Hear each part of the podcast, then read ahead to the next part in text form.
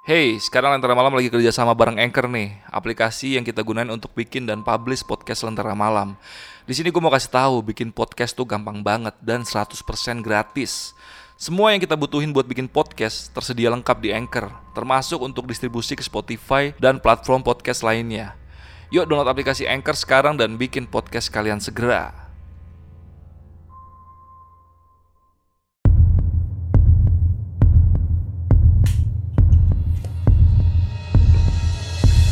Selamat malam teman-teman, balik lagi di Lentera Malam bareng gue Adit. Dan sekarang kita lagi ada di segmen cerita horor. Kali ini gue mau bawain cerita yang cukup epic nih, cerita tentang pocong Pak Tarno yang meneror warga kurang lebih sekitar 40 hari setelah kematiannya. Dan cerita ini sudah ditulis sama akun Twitter Rama Atmaja. Dan buat kalian yang lebih seneng baca versi tulisannya, kalian bisa mampir ke Twitternya Rama Atmaja. Linknya gue taruh di deskripsi.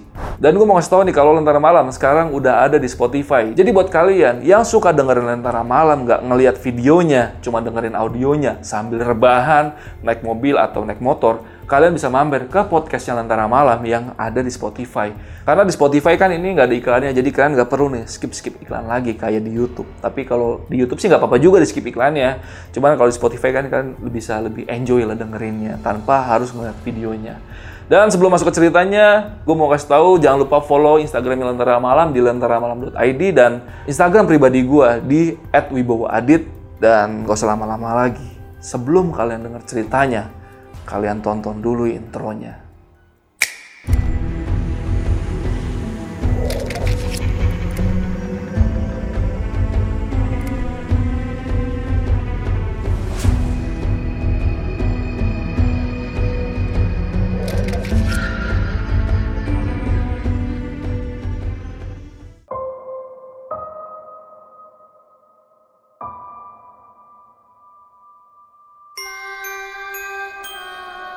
Sewaktu orang tua Ayu belum punya rumah sendiri, mereka tinggal di rumah orang tua ayahnya atau kakeknya Ayu.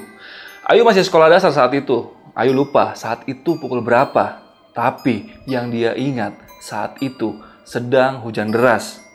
Ia di rumah hanya berdua dengan ibunya karena ayah Ayu sedang ada proyek di daerah Pancer, Pulau Merah kala itu. Ayu masih belum bisa tidur saat itu, begitupun dengan ibunya. Dan tiba-tiba listrik padam, sedangkan hujan semakin deras mengguyur desa itu. Ibu Ayu menyalakan lilin di beberapa sudut rumah untuk penerangan di rumah itu. Setelah itu, keduanya memutuskan untuk menggelar tikar di depan pintu utama dan tidur di sana. Namun tiba-tiba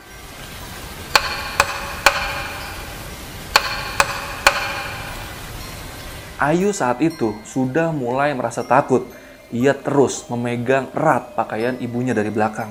Keduanya berjalan mencari dari mana asal bunyi ketukan itu. Tiba-tiba suara itu terdengar lagi. Fani Pramono, ibunda dari Ayu Pramono, langsung menatap anak perempuannya. Mereka berdua saling tatap menatap tanpa bisa berkata sepatah kata pun.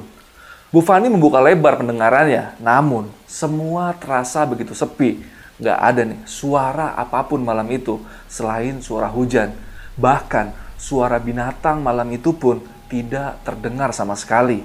Hanya suara air dari langit yang membasahi genteng, serta kibasan angin yang lumayan besar yang sesekali menyibakkan hordeng di rumah Ayu. Mereka pun beranjak dan melangkah. Langkah kaki keduanya terdengar begitu nyaring, sedangkan gelapnya malam itu hanya mereka terangi dengan cahaya lilin yang terus bergoyang tertiup angin. Tangan kiri Bu Fani memegang lilin, sedangkan tangan kanannya terus menutupi angin agar angin tidak memadamkan nyala lilin yang ia pegang. Ayu sendiri masih nampak ketakutan di balik baju belakang sang ibu yang kadang sesekali menenggelamkan wajahnya. Kini langkah keduanya semakin mendekati sumber suara itu, dan saat mereka sudah dekat dengan sumber suara itu, lagi-lagi suara itu kembali terdengar.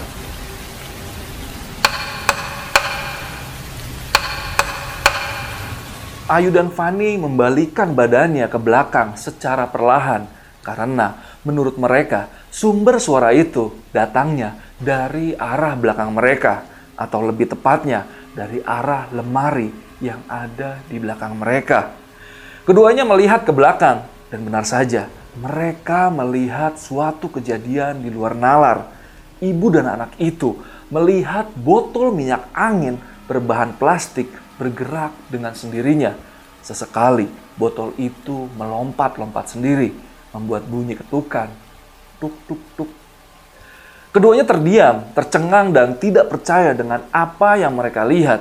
Hingga tiba-tiba botol itu melayang dan jatuh ke lantai dengan sendirinya. Sontak keduanya teriak histeris dengan sigap Bu Fani menggendong Ayu keluar dari dalam rumah, melompati lantai teras, lalu menerobos hujan dan terus berlari. Ia membawa Ayu ke rumah ibunya yang tak jauh dari rumah kakek atau bapak dari ayahnya Ayu. Sedangkan rumah nenek yang Ayu datangi adalah rumah ibu dari ibunya Bu Fani. Sesampainya di kediaman rumah neneknya Ayu, Bu Fani langsung menceritakan perihal keganjilan tersebut. Nawang Sucipto dan Joko Sucipto, nama kedua orang tua Bu Fani atau kakek nenek dari Ayu. Mereka hanya mendengarkan apa yang anaknya ceritakan saat itu. Oh iya, aku lupa kalau pintunya belum ditutup. Kembalilah, tutup pintunya dan kunci. Biarkan Ayu di sini. Biar aku saja. Di rumah Pramono memang agak angker. Potong kakek Joko yang sudah tahu kalau ada kemistisan di kediaman besannya itu. Kakek Joko segera bangkit. Dia mengambil senter dan payung, lantas keluar rumah untuk menuju ke kediaman rumah Pramono yang tak jauh dari rumahnya itu. Walau saat itu sedang hujan bercampur angin, nggak mematahkan sama sekali niat kakek tua itu untuk menuju kediaman Pramono. Bismillah, semoga Pocong Patarno nggak mengganggu saya lagi. Gumam kakek Joko dalam batinnya.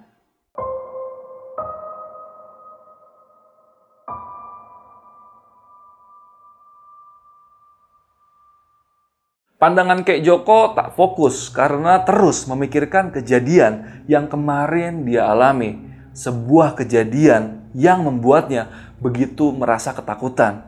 Sambil terus menerjang hujan bercampur angin, Kek Joko dengan segera melompati genangan air dan akhirnya sampai di teras rumah Pramono. Pandangan matanya jauh masuk ke dalam rumah, ke sebuah sudut gelap dari ujung ruangan. Di situ dia melihat nampak seperti ada sesosok perempuan berdiri dengan kain yang lusuh. Namun bagian bawahnya hanya setengah dan tak terlihat bagian kepalanya, tetapi terlihat rambut panjangnya yang sesekali tertiup angin. Terlihat posisi kaki sosok itu berada jauh di dalam tanah, sedangkan posisi dada sampai atas kepala menyumbul keluar rumah atau menembus genteng rumah Pramono. Menurut kakek Joko, yang dia lihat itu adalah sosok kuntilanak. Hanya saja ukurannya lebih besar dari sosok kuntilanak biasanya. Walau cuma melihat sepintas sambil menutup pintu, tapi Kejoko yakin kalau itu benar-benar sosok lain dan bukanlah sembarang kain yang ada di rumah Pramono. Pintu sudah ditutup, sambil dikunci dia mulai mundur dan kakek Joko masih penasaran dengan sosok yang dilihatnya tadi. Sambil terus berjalan menjauhi rumah, sesekali dia membalikan badan untuk melihat ke arah genteng rumah Pramono. Tapi sudah nggak ada lagi nih sosok yang tadi dia lihat di dalam rumah Pramono. Kini pikirnya tadi dia hanya berhalusinasi saja dan Kejoko pun lekas segera pulang ke rumahnya. Sesampainya di rumah, sambil dia mengambil air teh panas yang ada di dalam gelas dan menyeruputnya, Kejoko kembali nih mengingat kejadian yang dia alami kemarin. Kala itu, Kek Joko pergi ke kamar mandi yang berada beberapa meter di belakang rumahnya itu. Kamar mandi itu tanpa atap dan jaraknya berdekatan dengan kediaman Pramono. Saat menuju ke kamar mandi, tiba-tiba saja Kek Joko sekujur tubuhnya langsung merinding. Padahal waktu itu masih belum terlalu malam, baru saja selesai ajan Isya. Tapi suasana mendadak begitu sepi. Hanya terdengar suara binatang malam yang saling sahut bersautan. Kejoko coba nih membuang rasa takutnya dan terus berjalan mendekati kamar mandi. Sampai akhirnya dia pun masuk ke kamar mandi. Masih dalam posisi memegang daun pintu dan belum sempat menutup pintu, terdengar jelas suara orang sedang menggeram.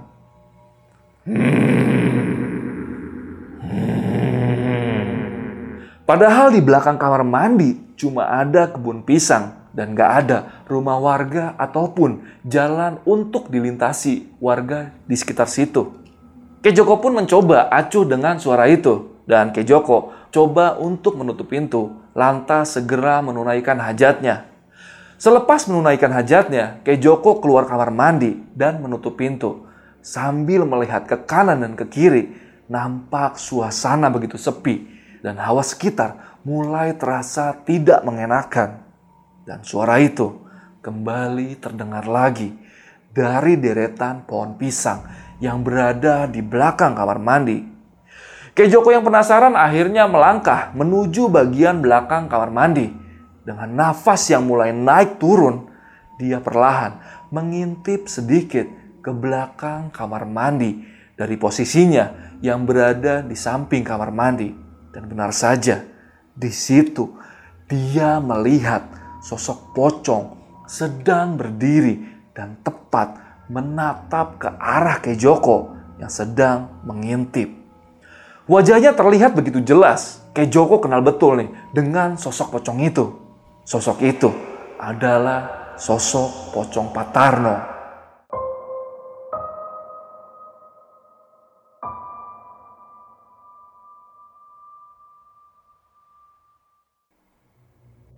Melamun. Ya nek, saya keingat pocong kemarin. Mukanya mirip Tarno. Pocong Tarno. Sudah ada beberapa orang yang cerita kalau mereka pernah diganggu pocong Tarno juga, kek. Mereka semua pun terdiam, apalagi dengan Bu Fani yang mendengar itu dalam posisi masih ketakutan akibat kejadian di rumahnya tadi. Membuat dia menjadi semakin takut malam itu. Dan di situ Bu Fani menekap erat Ayu yang saat itu masih kebingungan dengan cerita tersebut. Hey, sekarang Lentera Malam lagi kerja sama bareng Anchor nih, aplikasi yang kita gunain untuk bikin dan publish podcast Lentera Malam. Di sini gue mau kasih tahu, bikin podcast tuh gampang banget dan 100% gratis. Semua yang kita butuhin buat bikin podcast tersedia lengkap di Anchor, termasuk untuk distribusi ke Spotify dan platform podcast lainnya. Yuk download aplikasi Anchor sekarang dan bikin podcast kalian segera. Sedikit penjelasan tentang rumah kakeknya Ayu yang kini ditempati keluarga kecil Ayu. Karena Hamdan Pramono sang kakek dan Yulisti Pramono sang nenek saat itu sudah bercerai. Kakek Hamdan kerja di Bali dan jarang sekali pulang. Sedangkan nenek Yulisti yang sudah tidak memegang nama Pramono lagi berada di Kalimantan sebagai guru ngaji. Jadilah rumah kakeknya Ayu ini ditempati oleh Ayu, Fani sang ibu, Marwan sang ayah, dan satu lagi pamannya Ayu. Tapi saat pamannya Ayu sudah menikah, dia nggak lagi nih tinggal di rumah itu. Beberapa hari setelah kejadian di rumah Pramono, Bu Fani masih merasa ketakutan karena teringat cerita-cerita dari ayah dan ibunya mengenai Pocong Tarno yang kerap menampakkan diri untuk mengganggu para warga. Di hari itu kebetulan Pak Marwan sedang ada di rumah. Jadi Bu Fani memintanya untuk menemani ke toilet yang berada jauh dari belakang rumahnya. Sedang asik buang hajat, Bu Fani tiba-tiba merasa ada yang melemparkan batu kerikil ke arahnya. Awalnya dia diam saja nih dan nggak menggubrisnya. Tapi tiba-tiba lagi dia melihat pohon yang ada di dekatnya bergoyang begitu kencang. Seakan ada seseorang yang lagi menggoyang-goyangkan pohon tersebut. Terdengar Pak Marwan tiba-tiba berseru, Bu, cepet Bu. Di situ Bu Fani merasa tangkuknya tiba-tiba mendadak dingin. Ia nggak berani nih melihat ke kanan atau ke kiri. Ia langsung beranjak dari duduknya setelah mendengar ucapan suaminya tadi. Keduanya langsung berjalan kembali mendekati rumah. Di kamar mandi yang tepat berada di belakang rumah, Bu Fani segera membersihkan dirinya dari hajatnya tadi. Oh iya, gue lupa ngasih tahu nih, kalau rumahnya Bu Fani ini, kamar mandinya berada tepat di belakang rumahnya. Berbeda dengan WC yang jaraknya agak jauh dari rumahnya dan berada di dekat perkebunan pisang. Setelah dirasa sudah bersih, dengan siga Pak Marwan menarik Bu Fani dan membawanya masuk ke dalam rumah, lalu mengunci rumah itu. Kemudian keduanya mendekati Ayu kecil yang saat itu sedang terlelap dan mengobrol di samping Ayu kecil. Dan di situ Pak Marwan berkata, Bu, aku tadi ngeliat sosok pocong ada di sampingmu. Pocong itu berdiri tepat di samping kamu, Bu. Bu Fani terdiam. Ia nggak berani berkata apa pun. Pikirnya, untung tadi dia nggak lihat sekeliling.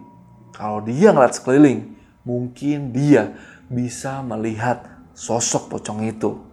Dan dari sini, Bu Fani teringat akan cerita Nenawang dan kakek Joko tentang pocong Pak Tarno yang sering mengganggu para warga. Pocong yang kerap mengganggu dengan cara mengetuk pintu rumah. Siapa Pak Tarno dan bagaimana dia meninggal hingga bisa sampai akhirnya meneror warga sekitar. Yaudah sebelum gue ceritain, kita break dulu.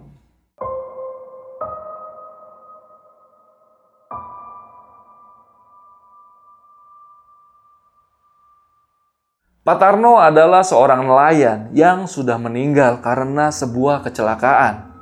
Di setiap malam, dengan perahunya, Pak Tarno ini selalu pergi melaut untuk mencari ikan, ditemani dengan jaring katrol yang bisa digerakkan dengan mesin diesel.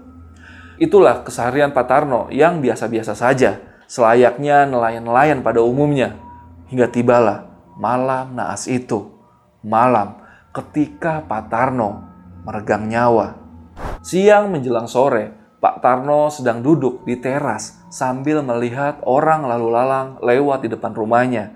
Dari dalam rumah muncullah seorang perempuan membawakan gelas berisi air teh. Mega tidur, Bu. Iya, Mas.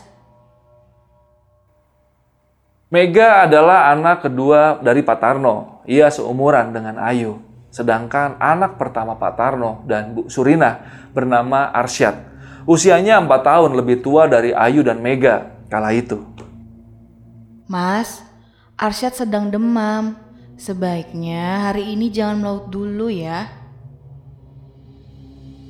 Pinta Bu Surina sambil duduk di kursi kayu yang ada di teras rumahnya di samping Pak Tarno.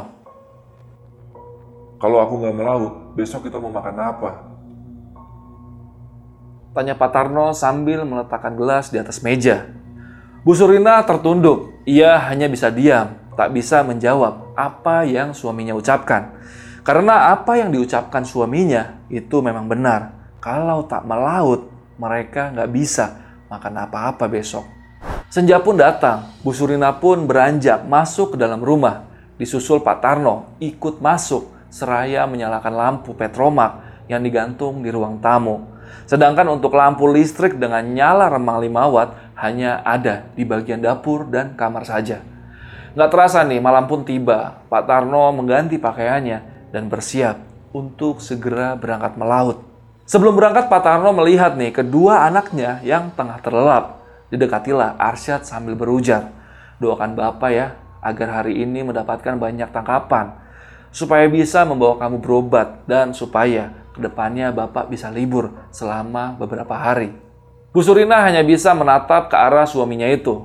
Entah mengapa, pikirannya malam itu terasa ada yang sangat mengganjal. Libur dulu aja, Mas. Untuk masalah makan, kita hutang dulu ke warung. Allah, ngomong apa tuh, Sur? Hutang kita sudah banyak. Kemarin saja belum bayar. Sudahlah, aku berangkat dulu. Jawab Pak Tarno sambil keluar rumah.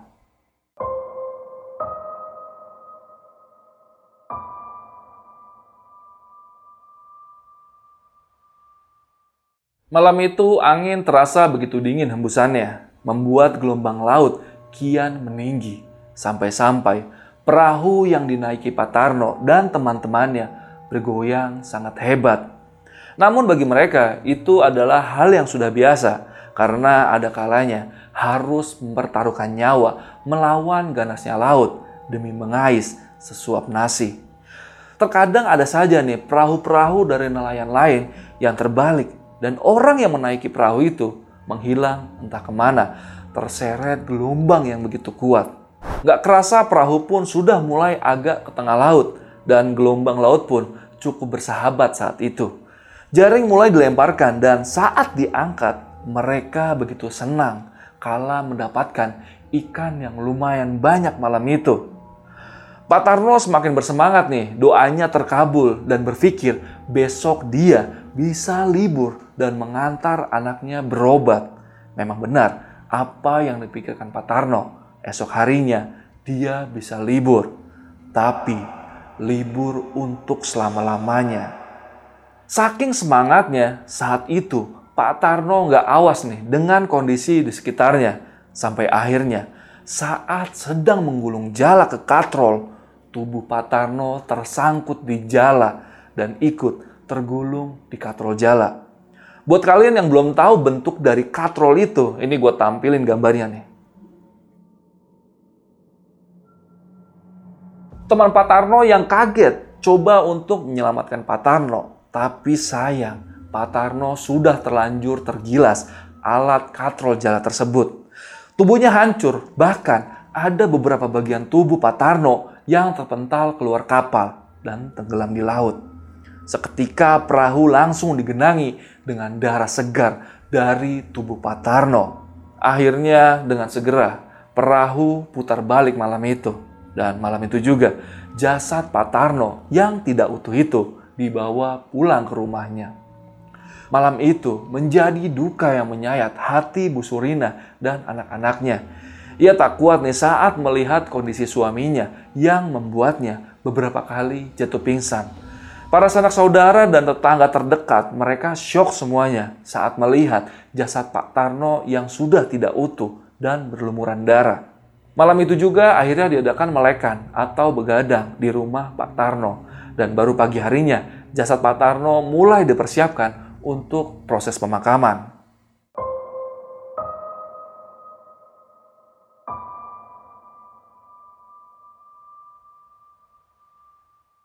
Sebelum mentari berada di atas kepala, jasad Pak Tarno sudah dikebumikan. Banyak warga yang mengatakan bahwa meninggalnya Pak Tarno itu tidak wajar. Karena saat dikuburkan, jasad Pak Tarno kondisinya tidak lengkap. Karena ada beberapa nih bagian tubuhnya yang hilang terbawa arus laut malam itu. Dan kemungkinan itu berdampak pada malam-malam berikutnya saat sosok pocong yang menyerupai Pak Tarno mulai mengganggu warga. Malam itu Pak Amin dan keluarganya tengah tertidur pulas, namun tidurnya terganggu kala mendengar suara ketukan yang keras dari pintu depan rumahnya.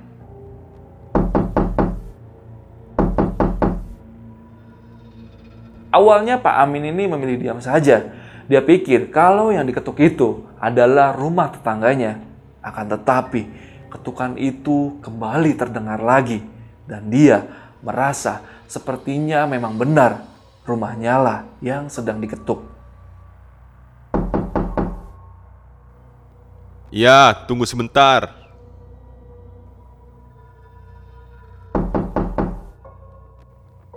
Ya, tunggu sebentar.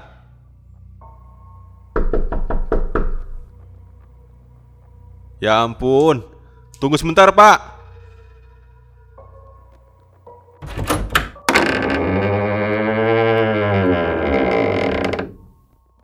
Dan ketika pintu itu sudah terbuka, di depannya sudah berdiri pocong Pak Tarno dengan wajah yang gak utuh dan berlumuran darah menatap tajam ke arah Pak Amin. Pak Amin langsung gak bisa berkata-kata, mulutnya terkunci dan semua anggota tubuhnya nggak bisa digerakin. Di situ Pak Amin lupa dan nggak tahu apa yang selanjutnya terjadi sama dia. Dan besok paginya, ia ditemukan sang istri dalam kondisi tergeletak di depan pintu rumahnya yang sedang terbuka. Istrinya yang bingung segera nih membangunkan Pak Amin dan bertanya perihal apa yang terjadi pada suaminya itu. Pak Amin pun menjelaskan pada istrinya kalau semalam almarhum Pak Tarno datang ke rumahnya dalam bentuk pocongan. Dia mendatangi rumah Pak Amin seperti saat dulu dia masih hidup, mengajak Pak Amin berangkat bersama untuk pergi ke laut. Rupanya malam itu bukan cuma Pak Amin saja nih yang didatangi sosok pocong Pak Tarno, tapi tetangga-tetangga yang lain juga didatangi oleh sosok pocong itu. Dan kejadian itu berlangsung kurang lebih selama 40 hari. Dan setelahnya, sosok pocong Pak Tarno sudah jarang terlihat lagi. Oke, itu tadi cerita tentang pocong Pak Tarno yang meneror warga selama 40 hari. Pocong lagi, pocong lagi, pocong lagi. Ini adalah salah satu makhluk yang gue takutin nih. Mungkin penonton Lentera Malam ada yang sama kayak gue gitu. Silahkan kalian komen di bawah kalau kalian emang agak ngerin sama sosok yang satu ini nih, pocong. Gak tahu kenapa ya, emang serem aja. Kalian bayangin aja nih, kalian lagi di kamar mandi. Tiba-tiba di pojokan itu ada pocong yang lagi berdiri natap ke kalian. Waduh, itu yang sering gue bayangin sih. Cuman ya semoga aja nggak kejadian sama kita. Dan baik lagi ke cerita nih. Menurut kalian gimana nih cerita yang tadi gue bawain?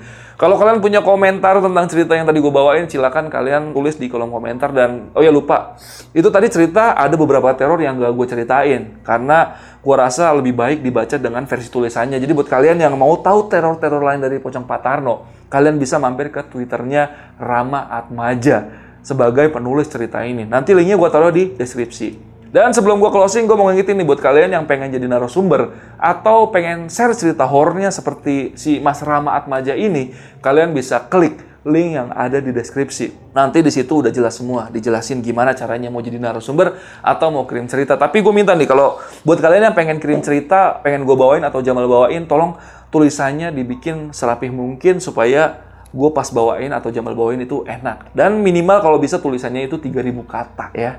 Jadi biar mempermudah gue dan Jamal aja sih gitu. Dan satu lagi nih, satu lagi gue mau ngingetin nih kalau sekarang Lentera Malam ada Spotify-nya. Jadi buat kalian yang suka dengerin Lentera Malam atau cerita-cerita di Lentera Malam tanpa melihat videonya, biasanya kalian sambil nyetir atau naik motor atau rebahan, kalian bisa mampir ke Spotify-nya Lentera Malam aja karena di situ bebas iklan. Jadi kalian nggak perlu skip-skip lagi iklannya. Jadi jangan lupa mampir ke Spotify-nya Lentera Malam ya. Linknya gue taruh di deskripsi juga. Atau kalian search aja di aplikasi Spotify Lentera Malam, podcast horor, pasti ketemu. Yaudah paling, gue rasa malam ini cukup segitu aja. Gue Adit dari Lentera Malam. Bye.